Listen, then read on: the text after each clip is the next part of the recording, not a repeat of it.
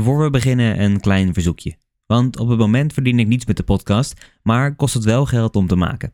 Mocht je waarderen wat ik doe en de podcast willen steunen, dan kun je een eenmalige of terugkerende donatie doen via de link in de beschrijving of op www.verhalenwoordslapengaan.com doneren. Je kunt van elke mogelijke betaalwijze gebruik maken en zo kan ik weer een jaartje de podcast in de lucht houden en af en toe een weggeefactie van een mooi boek houden. Maar goed, dan heb ik voor nu genoeg gebedeld. Heel veel luisterplezier.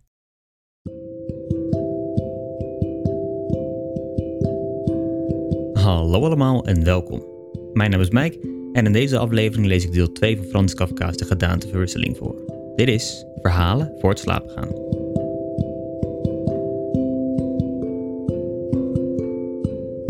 Frans Kafka heeft in zijn 41-jarige leven een interessant oeuvre overgeleverd. Een groot deel is onaf en pas na zijn dood gepubliceerd. Hij heeft zijn eigen grootheid nooit echt mee mogen maken. Pas toen hij overleden was, werd hij door de literaire critici erkend en is hij de hemel ingeprezen.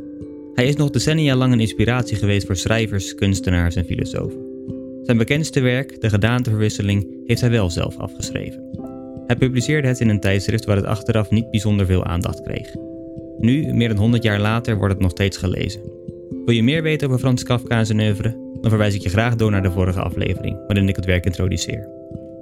De vorige keer hebben we gelezen hoe Gregor Samsa wakker werd in het lichaam van een insect en probeerde op te staan.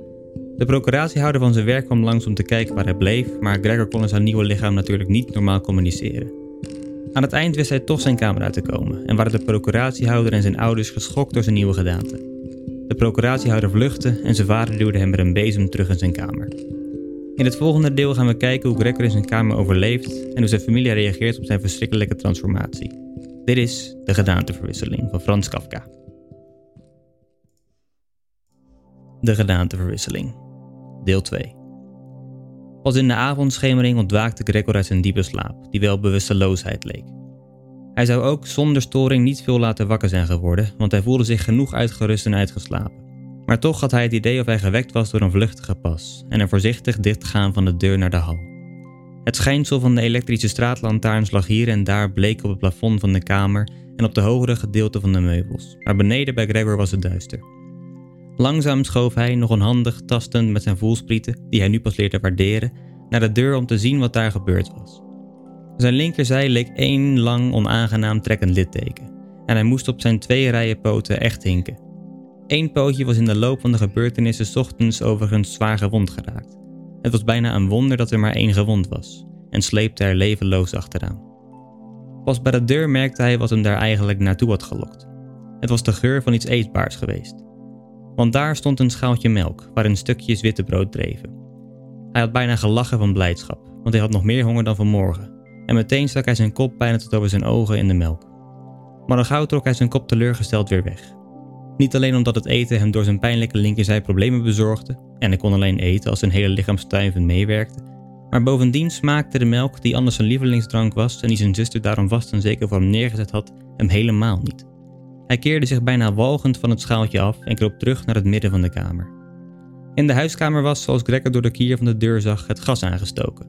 Maar terwijl zijn vader anders op de duur van de dag zijn middagkrant met stemverheffing voorlas aan zijn moeder en soms ook aan zijn zuster, was er nu geen geluid te horen. Misschien was dat voorlezen waarover zijn zuster hem altijd verteld en geschreven had, er de laatste tijd helemaal uitgeraakt. Maar ook rondom was het zo stil, al was het huis beslist niet leeg. Wat leidt de familie toch een stil leven, zei Gregor tegen zichzelf. En terwijl hij strak voor zich uit in het duister keek, was hij heel trots dat hij zijn ouders en zijn zuster zo'n leven, zo'n mooie woning had kunnen bezorgen. Maar wat als nu in alle rust, alle welstand en tevredenheid een verschrikkelijk eind zou komen? Om zich niet in zulke gedachten te verliezen, zette Gregor zich liever in beweging en kroop in de kamer heen en weer. Eén keer tijdens de lange avond werd de ene vleugeldeur en één keer de andere op een keer geopend en snel weer gesloten. Waarschijnlijk had iemand de behoefte om binnen te komen, maar ook weer te veel bedenkingen. Gregor bleef nu vlak bij de deur naar de huiskamer staan, vast besloten om de aarzelende bezoeker toch op de een of andere manier binnen te halen, of toch op zijn minst te weten te komen wie het was. Maar nu ging de deur niet meer open en Gregor wachtte tevergeefs. Vanmorgen, toen de deuren op slot waren, wilden ze allemaal binnenkomen. Maar nu hij de ene deur geopend had en de andere overdag blijkbaar geopend waren, kwam er niemand meer en de sleutel staat nu ook aan de buitenkant. Pas diep in de nacht ging het licht in de huiskamer uit. En nu was gemakkelijk vast te stellen dat zijn ouders en zijn zuster zo lang wakker gebleven waren. Want zoals goed te horen was, liepen ze nu alle drie op hun tenen de kamer uit. Nu kwam er tot de ochtend vast en zeker niemand meer bij Gregor binnen. Hij had dus veel tijd om ongestoord te bedenken hoe hij zijn leven nu nieuw moest organiseren. Maar de hoge, vrije kamer waarin hij noodgedwongen plat op de grond lag, maakte hem bang, zonder dat hij de oorzaak kon ontdekken. Want het was de kamer waar hij al vijf jaar woonde. En met een half onbewuste draai en niet zonder enige schaamte kroop hij gauw onder de canapé. Waar hij zich, ook al drukte die een beetje op zijn rug en ook kon zijn hoofd niet meer ophouden, meteen heel behagelijk voelde. En het alleen jammer vond dat zijn lijf te breed was om helemaal onder de canapé te passen. Daar bleef hij de hele nacht, die hij gedeeltelijk doorbracht in een lichte slaap, waaruit hij door de honger telkens erop schrok. Maar gedeeltelijk ook in zorg en vage hoop, die echter allemaal tot de conclusie leidden dat hij zich voorlopig rustig moest houden en door geduld en veel consideratie met de familie de onaangenaamheden verdraaglijk moest maken die hij in zijn huidige toestand nu eenmaal moest veroorzaken. Al vroeg in de morgen, het was al bijna nacht, had Gregor gelegenheid de kracht van zijn pas genomen besluiten te beproeven. Want vanuit de hal deed zijn zuster, die bijna helemaal aangekleed was, de deur open om gespannen naar binnen te kijken. Ze vond hem niet meteen, maar toen ze hem onder de canapé ontdekte, god hij moest toch ergens zijn, hij had toch niet weg kunnen vliegen, schrok ze zo dat ze zonder zich te kunnen beheersen de deur van buiten weer dichtsloeg. Maar alsof ze spijt had van haar gedrag, deed ze de deur meteen weer open en stapte als bij een ernstige zieke of zelfs bij een vreemde op haar tenen naar binnen. Gregor had zijn kop tot aan de rand van de canapé vooruitgeschoven en keek naar haar. Zou ze wel merken dat hij de melk had laten staan en dat beslissing door een gebrek aan honger? En zou ze ander eten brengen dat beter bij hem paste? Deed ze dat niet uit zichzelf, dan verhongerde hij nog liever dan haar daarop te wijzen. Al had hij eigenlijk een enorme behoefte om onder de canapé uit te komen, zich aan de voeten van zijn zuster te werpen en haar om goed eten te smeken. Maar zijn zuster zag meteen verwonderd het nog volle schaaltje, waaruit rondom maar een beetje melk gemorst was. Ze pakte het meteen op, maar niet met blote handen, maar met een lap en haalde het weg. Gregor was uiterst benieuwd wat ze in plaats daarvan zou brengen, en hij had daar allerlei ideeën over. Maar nooit had hij kunnen raden wat zijn zuster in haar goedheid werkelijk deed. Ze bracht om hun smaak te testen een heel assortiment, helemaal uitgespreid op een oude krant. Er was oude, halfrotte groenten, bordjes van het avondeten waar gestolde witte saus omheen zat, een paar rozijnen en amandelen, een kaas die Gregor twee dagen geleden ongenietbaar had genoemd, een droge boterham, een met boter besmeerde boterham en een met boter besmeerde en gezouten boterham. Bovendien zetten ze daarbij nog het waarschijnlijk eens en voor altijd voor Gregor bestemde schaaltje neer, waarin ze water had gegoten. En uit fijngevoeligheid, omdat ze wist dat Gregor in haar bijzijn niet zou eten, ging ze heel gauw weg en deed zelfs de deur op slot om Gregor te laten merken dat hij het zich zo gemakkelijk kon maken als hij wilde. Gregors pootjes trippelden op weg naar het eten. Zijn wonden moesten overigens ook wel helemaal geheeld zijn. Hij voelde geen hinder meer.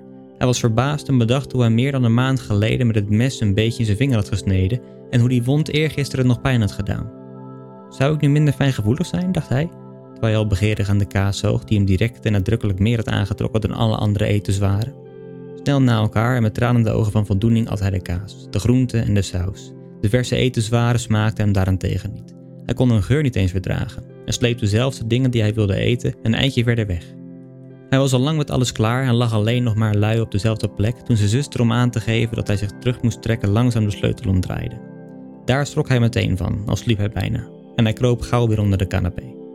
Maar het kostte hem veel zelfoverwinning om zelfs maar de korte tijd dat zijn zuster in de kamer was onder de canapé te blijven. Want door het overvloedige eten was zijn lijf wat ronder geworden en hij kon daar in de krappe ruimte nauwelijks ademhalen. Onder de kleine aanvallen van benauwdheid keek hij met enigszins uitpeilende ogen toe hoe zijn nietsvermoedende zuster met een bezem niet alleen de resten bij elkaar veegde, maar zelfs ook de door Gregor helemaal niet aangeraakte etens waren, alsof die ook niet bruikbaar meer waren. En hoe ze alles haastig in een emmer gooide die ze met een houten deksel sloot, waarna ze alles naar buiten bracht. Nauwelijks had ze zich omgedraaid of Gregor kwam onder de canapé vandaan, rekte zich uit en blies zich op. Op die manier kreeg Gregor nu elke dag zijn eten. Eén keer s morgens wanneer zijn ouders en het dienstmeisje nog sliepen, en de tweede keer na het algemene middageten. Want dan deden zijn ouders ook nog een dutje. En het dienstmeisje werd door zijn zuster met de een of andere boodschap weggestuurd. Zij wilde was ook niet dat Gregor verhongerde, maar misschien konden ze er niet tegen als ze meer van zijn eten merkte dan van horen zeggen. En misschien wilde zijn zuster hen ook wat verdriet besparen, want ze leden inderdaad al genoeg. Met welke excuus ze de eerste ochtend de dokter en de slotenmaker weer het huis uit gekregen hadden, kwam Gregor niet aan de weet. Want doordat ze hem niet konden verstaan, dacht niemand eraan, ook zijn zuster niet, dat hij de anderen wel kon verstaan. En daarom moest hij er, wanneer zijn zuster in zijn kamer was, genoegen meenemen, maar af en toe hun zuchten en aanroepingen van de heilige te horen. Pas later, toen ze een beetje aan alles gewend was, want totale gewenning kon natuurlijk nooit sprake zijn, ving Gregor soms een opmerking op die vriendelijk bedoeld was of zo uitgelegd kon worden.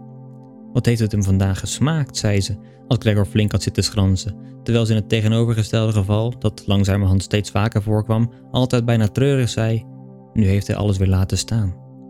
Terwijl Gregor langs de directe weg geen nieuws te weten kwam, hoorde hij veel uit de zijkamers. En als hij ergens stemmen hoorde, rende hij meteen naar de betreffende deur en drukte zich er met zijn hele lijf tegenaan. Vooral de eerste tijd was er geen gesprek dat niet op de een of andere manier, al was het ook in het geheim, over hem ging. Twee dagen lang waren er bij alle maaltijden beraadslagingen te horen over de vraag hoe ze zich nu moesten gedragen. Maar ook tussen de maaltijden spraken ze over hetzelfde onderwerp. Want er waren altijd minstens twee familieleden thuis, omdat waarschijnlijk niemand alleen thuis wilde blijven en ze het huis toch in geen geval helemaal konden achterlaten.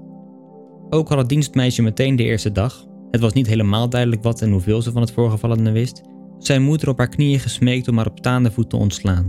En toen ze een kwartier later afscheid nam, bedankte ze in tranen voor het ontslag, als voor de grootste weldaad die hij hier bewezen was, en zwoer ongevraagd een dure eet om niemand ook maar iets te verraden. Nu moest zijn zuster samen met zijn moeder ook nog koken. Overigens kostte dat niet veel moeite, want er werd bijna niets gegeten. Telkens weer hoorde Gregor hoe de een de ander vergeefs aanspoorde om te eten en geen ander antwoord kreeg dan: Dank je, ik heb genoeg of iets dergelijks. Gedronken werd er misschien ook niet. Meer dan eens vroeg zijn zuster zijn vader of hij bier wilde en bood vriendelijk aan het zelf te gaan halen. En als zijn vader zweeg, zei ze om elke bedenking weg te nemen dat ze ook de vrouw van de huismeester kon sturen, maar dan zei zijn vader tenslotte luid en duidelijk nee, en er werd niet meer over gesproken. Al in de loop van de eerste dag gaf zijn vader, zowel zijn moeder als ook zijn zuster, een uiteenzetting over de hele financiële situatie en de vooruitzichten. Af en toe stond hij van tafel op om uit het kluisje dat hij vijf jaar geleden had gered uit de ondergang van zijn zaak een of ander bewijsstuk of een ander notitieboek te halen. Je hoorde hoe hij het ingewikkelde slot openmaakte en na het pakken van het gezochte weer sloot. Deze uitleg van zijn vader was ten dele het eerste verheugende wat Gregor in zijn gevangenschap te horen kreeg. Hij had gedacht dat zijn vader van die zaak helemaal niets had overgehouden. Zijn vader had hem tenminste niets anders verteld en Gregor had er trouwens ook niet naar gevraagd. Het was toen Gregors enige zorg geweest alles in het werk te stellen om de familie het zakelijke ongeluk, dat iedereen volslagen hopeloos had achtergelaten, zo snel mogelijk te laten vergeten. En daarom was hij toen met heel veel enthousiasme aan het werk gegaan en bijna in één klap was hij van een kleine winkelbediende veranderd in een vertegenwoordiger, die natuurlijk heel andere mogelijkheden had om geld te verdienen en wiens zakelijke successen in de vorm van provisie direct veranderen in contant geld, dat bij de verbaasde en verheugde familie thuis op tafel kon worden gelegd. Dat waren mooie tijden geweest en die waren, althans met die glans, nooit meer teruggekeerd. Al verdiende Gregor later zoveel geld dat hij uitgaven van de hele familie kon bekostigen en dat ook deed. Ze waren er nu eenmaal aan gewend, zowel de familie als Gregor. Ze namen het geld dankbaar aan en hij gaf het graag. Maar van zijn bijzondere warmte was geen sprake meer. Alleen zijn zuster was toch aan Gregor gehecht gebleven. En het was zijn geheime plan om haar, omdat ze anders dan Gregor veel van muziek hield en ontroerend mooi viool kon spelen, volgend jaar, ondanks de hoge kosten die dat met zich mee zou brengen, naar het conservatorium te laten gaan. Tijdens de korte periode dat Gregor in de stad verbleef, ging het in de gesprekken met zijn zuster over het conservatorium. Maar altijd alleen als mooie droom, die onmogelijk te verwezenlijken was. En zijn ouders hoorden die onschuldige dingen niet eens graag. Maar Gregor was het vast van plan en wilde het op kerstavond plechtig aankondigen. Zulke in zijn huidige toestand volkomen nutteloze gedachten gingen door zijn hoofd, terwijl hij daar rechtop tegen de deur geplakt stond te luisteren. Soms kon hij van algehele vermoeidheid niet eens meer luisteren en liet zijn kop onverschillig tegen de deur slaan, maar hield hem meteen weer recht. Want zelfs het minste geluid dat hij daarmee had gemaakt was ernaast gehoord en dat iedereen doen verstommen. Wat hij nu weer doet, zei zijn vader even later, blijkbaar naar de deur gekeerd, en pas daarna werd het onderbroken gesprek geleidelijk weer voortgezet. Gregor hoorde niet tot zijn tevredenheid, want zijn vader herhaalde zich in zijn uitleg altijd vaak, ten dele omdat hij zichzelf al lang niet meer met die dingen bezig gehouden had, en ten dele ook omdat zijn moeder de eerste keer niet meteen alles begreep, dat er ondanks al het ongeluk nog een overigens klein vermogen over was, dat door de onaangeroerde rente in de tussentijd een beetje aangegroeid was. Maar bovendien was het geld dat Gregor elke maand naar huis had gebracht, hij had maar een paar gulden voor zichzelf gehouden, niet helemaal opgebruikt en opgehoopt tot een klein kapitaaltje. Gregor knikte ijverig achter zijn deur, verheugd over die onverwachte voorzichtigheid en zuinigheid. Want eigenlijk had hij met dat overgetollige geld de schuld van zijn vader aan zijn baas verder kunnen aflossen. En de dag waarop hij van die baan af had kunnen zijn was dan veel dichterbij geweest. Maar zoals zijn vader het nu geregeld had, was het zonder twijfel beter. Maar nu was dat geld lang niet toereikend om de familie bijvoorbeeld van de rente te laten leven. Het was misschien toereikend om de familie één of hoogstens twee jaar lang te onderhouden en meer was het niet. Het was dus maar een bedrag waar ze eigenlijk niet aan mochten komen en dat voor noodgevallen gereserveerd moest worden, terwijl het geld om van te leven verdiend moest worden. Maar nu was zijn vader een welgezonde, maar een oude man, die al vijf jaar niet gewerkt had en in elk geval niet veel aankon. Hij was deze vijf jaar, die de eerste vrije tijd van zijn moeilijke en toch niet succesvolle leven waren, dikker en daardoor heel traag geworden. En moest er nu misschien geld verdiend worden door zijn moeder, die aan astma leed, voor wie een wandeling door het huis al inspannend was, en die om de dag een hele dag met ademproblemen doorbracht op de sofa bij het open raam? En moest er nu geld verdiend worden door zijn zuster, die met haar 17 jaar nog een kind was en wie haar manier van leven tot nu zo gegund was, dat wil zeggen zich mooi kleden, uitslapen, meehelpen in het huishouden, meedoen aan een paar bescheiden pleziertjes en vooral viool spelen? Als het gesprek op die noodzaak van geld verdienen kwam, deed Gregor altijd eerst de deur open en wierp zich op de koele, leren sofa naast de deur, want hij kreeg het heel warm van schaamte en verdriet. Vaak lag hij daar de hele lange nacht, deed geen oog dicht en lag urenlang te woelen op het leer. Of hij schrok niet terug voor de grote moeite om een stoel naar het raam te schuiven, op de borstwering onder het raam te kruipen en steunend in de stoel tegen het raam te leunen, blijkbaar alleen met de een of andere herinnering aan de bevrijding die uit het raam kijken vroeger voor hem betekend had. Want in feite zag hij van dag tot dag ook dingen die niet zo ver weg waren steeds onduidelijker. Het ziekenhuis aan de overkant, waarvan hij de al te frequente aanblik vroeger had vervloekt, kreeg hij niet eens meer te zien. En had hij niet zeker geweten dat hij in de stille maar echte stadse Charlottestraße woonde, dan had hij kunnen denken dat hij vanuit zijn raam in een woestijn keek, waar de grijze lucht en de grijze aarde zonder onderscheid in elkaar overliepen. Maar twee keer had zijn oplettende zuster hoeven zien dat de stoel bij het raam stond, of ze schoof de stoel elke keer dat ze de kamer opruimde weer precies zo naar het raam en liet van nu af aan zelfs het binnenste raam open. Had Gregor met zijn zuster kunnen praten en haar kunnen bedanken voor alles wat ze voor hem moest doen, dan had hij haar corvée beter kunnen verdragen. Maar nu leed hij eronder. Zijn zuster probeerde het pijnlijke van alles wel zoveel mogelijk uit te wissen, en hoe meer tijd er verstreek, hoe beter het natuurlijk ging, maar ook Gregor doorzag alles met de tijd veel scherper. Haar binnenkomst was voor hem al een verschrikking.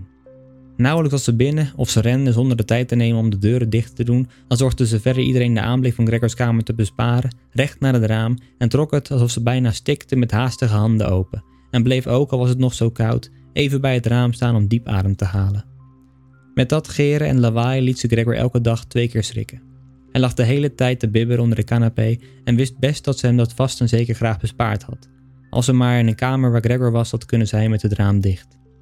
Op een keer, waarschijnlijk al een maand na Gregors gedaanteverwisseling, toen er voor zijn zuster toch weinig reden meer was om over Gregors uiterlijk verbaasd te zijn, kwam ze wat vroeger dan anders en trok Gregor nog, terwijl hij onbewegelijk en echt om van te schrikken uit het raam stond te kijken. Het zou voor Gregor niet onverwacht zijn geweest als ze niet binnengekomen was, omdat hij door zijn positie verhinderde dat ze direct het raam opendeed. Maar ze kwam niet alleen niet binnen, ze deinsde achteruit en deed de deur op slot. Een vreemde had wel kunnen denken dat Gregor op de loer had gelegen en haar had willen bijten. Gregor verstopte zich natuurlijk meteen onder de canapé, maar hij moest tot middags wachten voor zijn zuster terugkwam en ze leek veel onrustiger dan anders. Daaruit maakte hij op dat zijn aanblik voor haar nog steeds onverdraaglijk was en ook onverdraaglijk moest blijven.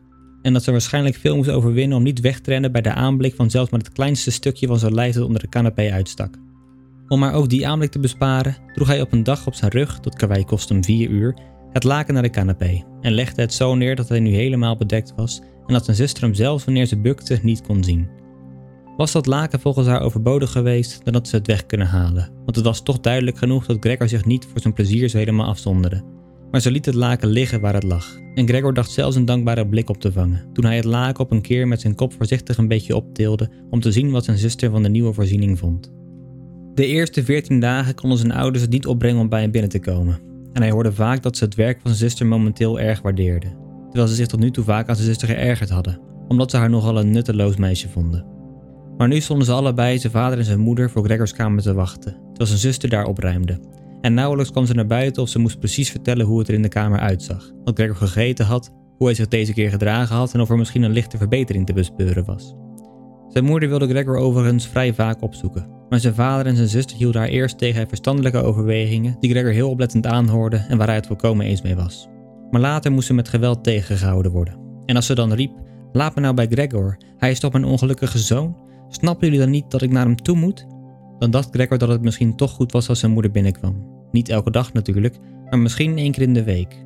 Ze begreep alles immers veel beter dan zijn zuster, die ondanks al haar moed toch een kind was.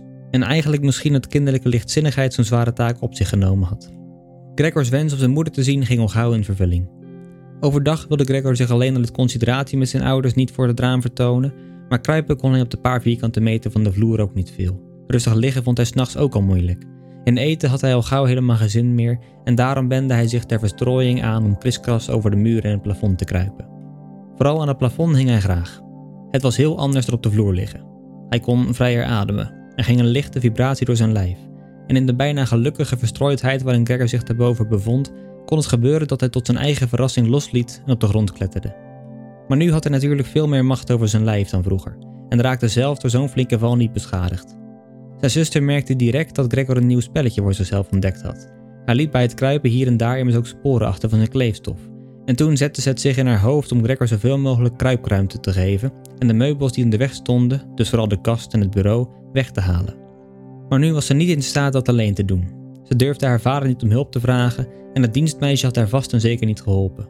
Want dat meisje van een jaar of 16 hield het sinds het ontslag van de vroegere kokkin weliswaar dapper vol, maar had ook gevraagd of ze de keuken alsjeblieft de hele tijd op slot mocht houden en alleen op speciaal bezoek open hoefde te doen. Daardoor bleef er dus van zijn zuster niets anders over dan in de afwezigheid van haar vader een keer haar moeder te halen. Met kreten van blije opwinding kwam haar moeder ook, maar ze viel stil voor de deur naar Gregors kamer. Eerst keek zijn zuster natuurlijk of alles in de kamer in orde was. Pas daarna liet ze haar moeder binnenkomen. Gregor had in alle haast nog het laken verder naar beneden in de plooien getrokken en het geheel zag er echt uit als een toevallig over de canapé gegooid laken. Gregor liet ook deze keer na om onder het laken te bespioneren. Hij zag ervan af om zijn moeder deze keer te bekijken en was alleen maar blij dat ze nu toch gekomen was. Kom maar, je ziet hem niet, zei zijn zuster, en blijkbaar nam ze haar moeder bij de hand. Gregor hoorde nu hoe de twee zwakke vrouwen de altijd nog zware oude kast van zijn plaats schoven en hoe zijn zuster telkens het meeste werk voor haar rekening nam, zonder te luisteren naar de waarschuwingen van haar moeder, die bang was dat ze zich te veel in zou spannen. Het duurde heel lang. Na ongeveer een kwartier zei zijn moeder dat ze de kast toch beter konden laten staan, want ten eerste was hij te zwaar, ze zouden niet klaar zijn voor vader kwam en met de kast in het midden van de kamer alle wegen voor Gregor versperren, en ten tweede was het immers helemaal niet zeker dat ze Gregor met het weghalen van de meubels een plezier deden. Haar leek het tegendeel het geval. Zij werd juist neerslachtig van de aanblik van de lege muur. En waarom zou Gregor ook niet dat gevoel hebben? Omdat hij toch al lang gewend was aan de meubels en zich in de lege kamer dan ook eenzaam zou voelen. En is het dan niet zo, besloot zijn moeder heel zacht, terwijl ze al haast fluisterde, alsof ze wilde vermijden dat Gregor, van wie ze niet wist waar hij zat, ook maar de klank van haar stem hoorde, omdat hij de woorden niet verstond, daar was ze van overtuigd. En is het niet zo dat we door het weghalen van de meubels laten zien dat we alle hoop op verbetering opgeven en hem onverbiddelijk aan zijn lot overlaten? Ik denk dat we de kamer beter precies zo kunnen laten als vroeger. Dat Gregor, als hij weer bij ons terugkomt, alles onveranderd vindt en de tussentijd des te makkelijker kan vergeten. Bij het horen van die woorden van zijn moeder besefte Gregor dat het gebrek aan elk direct menselijk contact, verbonden met het eentonige leven te midden van de familie, in de loop van deze twee maanden waarschijnlijk zijn verstand verward had. Want anders kon hij niet verklaren dat hij er serieus naar verlangd had dat zijn kamer leeggemaakt werd. Had hij echt zin om de warme, met geërfde meubels gezellig ingerichte kamer te laten veranderen in een hol waar hij dan wel ongezocht alle kanten op kon kruipen, maar tegelijkertijd zijn menselijke verleden snel en totaal zou vergeten? Hij begon nu toch al bijna te vergeten, en alleen de lang niet gehoorde stem van zijn moeder had hem wakker geschud. Er moest niets weggehaald worden, alles moest blijven. De goede invloed van de meubels op zijn toestand kon hij niet missen. En als de meubels hem hinderden bij zijn zinloze rondkruipen, dan was dat geen nadeel, maar een groot voordeel. Maar helaas dacht zijn zuster er anders over. Ze had zich aangewend, overigens niet helemaal onterecht, bij de bespreking van Gregors aangelegenheden als bijzondere deskundige op te treden tegenover haar ouders. En daarom was zijn moeders advies voor zijn zuster ook nu reden om niet alleen vast te houden aan het weghalen van de kast in het bureau, waar ze eerst alleen aan had gedacht, maar ook aan het weghalen van alle meubels, met uitzondering van de onmisbare canapé. Het was natuurlijk niet alleen kinderlijke koppigheid en het de laatste tijd zo onverwassen en moeizaam verworven zelfvertrouwen waardoor ze deze eis stelde. Ze had toch immers gezien dat Gregor veel ruimte nodig had om te kruipen, en voor zover ze kon zien juist helemaal geen gebruik maakte van de meubels. Maar misschien speelde ook het dweepzieke van meisjes van haar leeftijd mee, dat bij elke gelegenheid bevredigd wil worden, en waardoor Grete zich nu liet verleiden om Gregors situatie nog verschrikkelijker te maken, om dan nog meer dan tot nu toe voor hem te kunnen doen. Want in een ruimte waarin Gregor helemaal alleen de lege muren beheerste, durfde waarschijnlijk geen mens behalve Grete binnen te komen.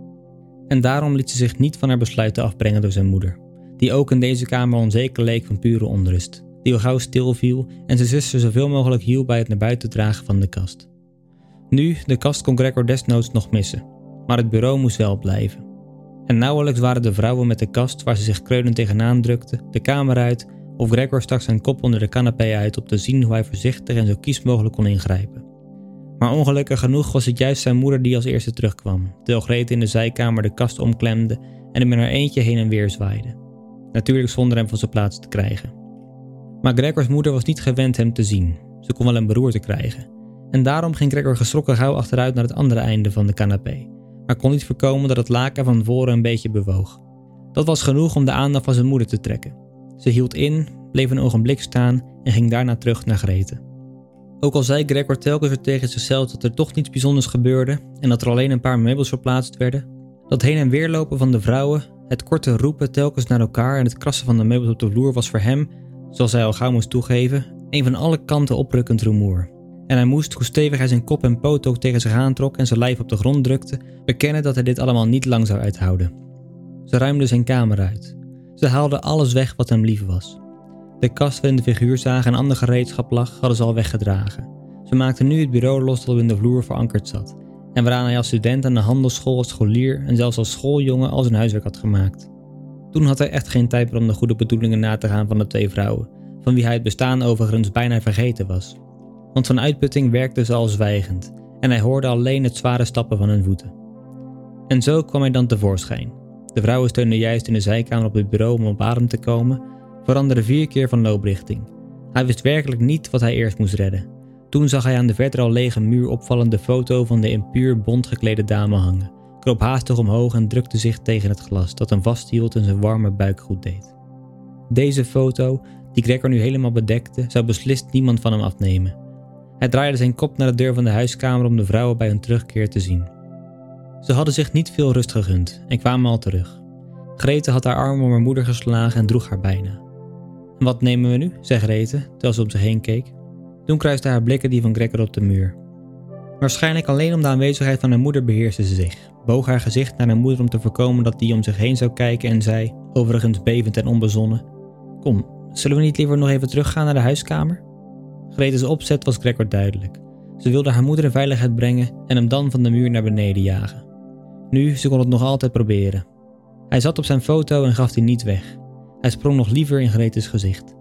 Maar door Gretes woorden was zijn moeder pas echt ongerust geworden. Ze stapte opzij, zag de enorme bruine vlek op het gebloemde behang, riep voor tot haar doordrong dat het Gregor was wat ze zag, met een schreeuwende, rauwe stem: Oh God, oh God! En viel met uitgestrekte armen, alsof ze alles opgaf op de canapé en verloorde zich niet. Gregor toch, riep zijn zuster met geve vuist en doordringende blikken. Het waren sinds de gedaanteverwisseling de eerste woorden die ze direct tot hem had gericht. Ze holde naar de zijkamer om het een of andere middel te halen waarmee ze haar flauwgevallen moeder bij kon brengen. Gregor wilde ook helpen. Er was nog tijd om de foto te redden, maar hij zat aan het glas vastgekleefd en moest zich met geweld losrukken. Daarna rende hij ook naar de zijkamer, alsof hij zijn zuster de een of andere goede raad kon geven, net als vroeger. Hij moest vervolgens werkeloos achter haar blijven staan, terwijl zij in verschillende flesjes snuffelde en liet haar nog schrikken toen ze zich omdraaide. Er viel een flesjestuk op de grond, een splinter verwondde Gregors gezicht en het een of andere bijtende medicijn liep over hem heen. Grete pakte nu zonder langer te wachten zoveel flesjes als ze maar kon dragen en rende daarmee naar haar moeder. De deur trapte ze met haar voet dicht. Gregor was nu afgesloten van zijn moeder, die door zijn schuld misschien de dood nabij was. De deur kon hij niet open doen als hij zijn zuster die bij zijn moeder moest blijven niet weg wilde jagen. Hij kon nu niets anders doen dan wachten, en vol zelfverwijt en bezorgdheid begon hij te kruipen, kroop over alles heen, muren, meubels en plafond, en viel tenslotte in zijn wanhoop toen de hele kamer rond hem al begon te draaien, midden op de grote tafel. Er ging enige tijd voorbij. Gregor lag daar uitgeput. Om hem heen was het stil en misschien was dat een goed teken. Toen werd er gebeld.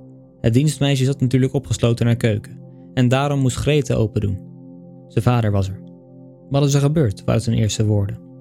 Gretes uiterlijk sprak waarschijnlijk boekdelen. Grete antwoordde met doffe stem en blijkbaar drukte ze haar gezicht tegen haar vaders borst. Moeder is flauwgevallen, maar het gaat al beter. Gregor is losgebroken. Dat verwachtte ik al, zei zijn vader. Ik zei het al de hele tijd, maar jullie vrouwen wilden niet luisteren. Het was Gregor duidelijk dat zijn vader reeds al te korte mededeling slecht begrepen had en aannam dat Gregor de een of andere gewelddaad op zijn geweten had. Daarom moest Gregor nu proberen zijn vader te kalmeren, want hij had geen tijd en geen mogelijkheid om hem te vertellen hoe het zat. En daarom vluchtte hij naar de deur van zijn kamer en drukte zich er tegenaan, omdat zijn vader bij zijn binnenkomst uit de hal meteen kon zien dat Gregor van plan was direct terug te gaan naar zijn kamer en dat het niet nodig was hem terug te jagen, maar dat hij alleen maar de deur open hoefde te doen om te zorgen dat Gregor meteen verdween. Maar zijn vader was niet in de stemming om dergelijke nuances op te merken. Ah, riep hij meteen bij binnenkomst, op een toon alsof hij tegelijkertijd woedend en blij was. Gregor trok zijn kop terug van de deur en hief hem op naar zijn vader. Zo had hij zich zijn vader echt niet voorgesteld, zoals hij daar nu stond. Overigens had hij zich de laatste tijd gedurende het nieuwe rondkruipen niet net als vroeger bezig gehouden met de gebeurtenissen in de rest van het huis. En had eigenlijk voorbereid moeten zijn op de veranderde omstandigheden. Maar was dat zijn vader nog wel? Dezelfde man die dood op in zijn bed lag als Gregor op zakenreis ging, die hem bij zijn thuiskomst in kamerjas in de leunstoel had ontvangen, die niet goed in staat was om op te staan, maar om te laten zien hoe blij hij was alleen zijn armen hief, en die bij de zeldzame gemeenschappelijke wandelingen een paar zondagen per jaar en op hoogtijdagen tussen Gregor en zijn moeder, die op zichzelf al langzaam liepen, met zijn telkens voorzichtig neergezette kruk altijd nog wat langzamer strompelde, ingepakt in zijn oude jas, en die wanneer hij iets wilde zeggen bijna altijd bleef staan met zijn begeleiders om zich heen. Maar nu stond hij heel rechtop, gekleed in zijn strakke blauwe uniform met de gouden knoppen, zoals medewerkers van banken droegen. Boven de hoge, stijve kraag van zijn jas plooide zich zijn dikke ondekkin. Onder zijn borstelige wenkbrauwen hij met zijn zwarte ogen fris en aandachtig de wereld in. En het anders warrige witte haar was nu in een pijnlijk scherpe, blinkende scheiding gekamd. Hij gooide zijn pet, voorzien van een gouden monogram, waarschijnlijk dat van een bank, met een boog door de hele kamer op de canapé en liep met de panden van zijn lange uniformjas teruggeslagen op Gregor af. Hij wist waarschijnlijk zelf niet wat hij van plan was, maar hij tilde zijn voeten ongewoon hoog op en Gregor stond verbaasd over de enorme afmetingen van de zolen van zijn laarzen. Toch stond hij daar niet bij stil, want hij wist nog van de eerste dagen van zijn nieuwe leven dat zijn vader tegenover hem alleen maar de grootste strengheid op zijn plaats vond. En daarom rende hij voor zijn vader uit, viel stil wanneer zijn vader bleef staan en rende alweer door wanneer zijn vader zich maar bewoog. Zo gingen ze een paar keer de kamer rond, zonder dat er iets beslissend gebeurde en zelfs zonder dat alles door het langzame tempo op een achtervolging leek. Daarom bleef Gregor voorlopig ook op de grond, want hij was bang dat zijn vader een vlucht op de muren of plafond als iets heel kwaadaardigs zou beschouwen. Gregor moest tegen zichzelf wel zeggen dat hij zelfs het rennen niet lang zou volhouden, want terwijl zijn vader één pas deed, moest hij een hele reeks bewegingen maken. De ademnood begon al voelbaar te worden, terwijl hij vroeger al geen heel betrouwbare longen had gehad.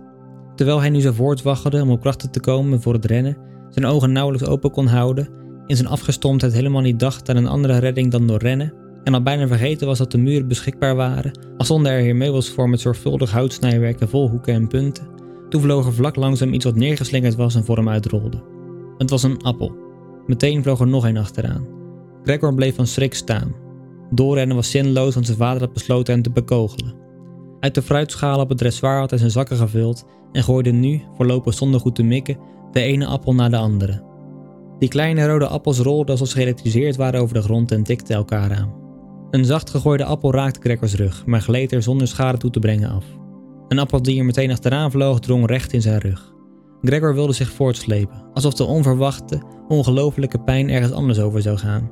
Maar hij had een gevoel of hij vastgenageld was en lag lang uit met al zijn zintuigen in opperste verwarring. Met een laatste blik zag hij nog hoe de deur van zijn kamer opengerukt werd en hoe zijn moeder voor zijn schreeuwende zuster uitrende in haar hemd, want zijn zuster had haar uitgekleed om haar na het flauwvallen lucht te geven.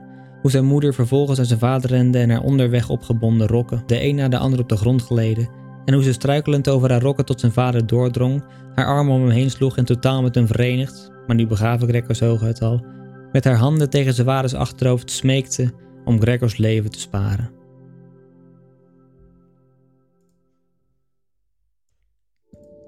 Dat was het tweede deel van Frans Kafka's De Gedaante Verwisseling. We hebben in het hoofdstuk gelezen hoe de familie in deze eerste maanden omgaat met de veranderingen van Gregor. Hij zelf leert al steeds meer hoe hij zich moet bewegen, en later leert hij zelfs dat hij op de muren en het plafond kan kruipen. We lezen hoe zijn zusje bijna als een verpleegster voor hem zorgt. Zijn ouders durven niet bij hem binnen te komen, dus het is aan zijn zusje om hem eten en drinken te geven. Dit alles gebeurt wel met enige afstand. Gregor trekt zich terug als ze binnenkomt, zodat Grete rustig kan doen wat ze moet doen zonder van hem te schrikken. In het tweede gedeelte van het hoofdstuk besluiten Grete en de moeder om de meubels uit de kamer te halen, zodat hij vrij op de muren kan kruipen. Zo lijken ze dus de hoop op te hebben gegeven dat Gregor nog terug verandert en accepteren ze nu dat hij een insect is. Gregor zegt echter in zichzelf dat hij de meubels liever wilt houden, zodat hij nog iets van zijn menselijkheid over heeft. Hij wil niet overgeven aan zijn verandering. Aan het eind van het hoofdstuk ziet Gregors moeder hem per ongeluk, waardoor ze flauw valt. Wanneer zijn vader thuis komt van het werk, denkt hij dat het door Gregor komt en begint hem achterna te zitten en te bekogelen met appels. Het hoofdstuk sluit af met Gregor die toekijkt hoe zijn moeder de kamer uitrent om zijn vader te smeken te stoppen met gooien. Zo lijkt ze dus toch nog van een beetje menselijkheid uit te gaan in het grote insect. In dit hoofdstuk wordt voornamelijk het thema van vervreemding verder uitgewerkt. We zien langzaam hoe Gregor minder mens wordt en hoe de mensen om hem heen bang voor hem worden. Hij wordt opgesloten in zijn kamer en zelfs als Grete binnenkomt gaat hij onder een deken liggen om haar niet te laten schrikken. Zo kan het boek dus gelezen worden als een triest verhaal over een man die langzaam het contact met de wereld op hem heen verliest en vervreemdt. En geloof me, het verhaal wordt nog verdrietiger. Maar dat zien we in de volgende aflevering. Ik wil jullie hartstikke bedanken voor het luisteren naar deze podcast. Voor achter de schermen, updates, vragen of opmerkingen kun je me vinden op Instagram of Facebook onder de naam Verhalen voor het slapen gaan. En dan zie, hoor ik jullie volgende week. Voor nu, goede nacht, slaap zacht.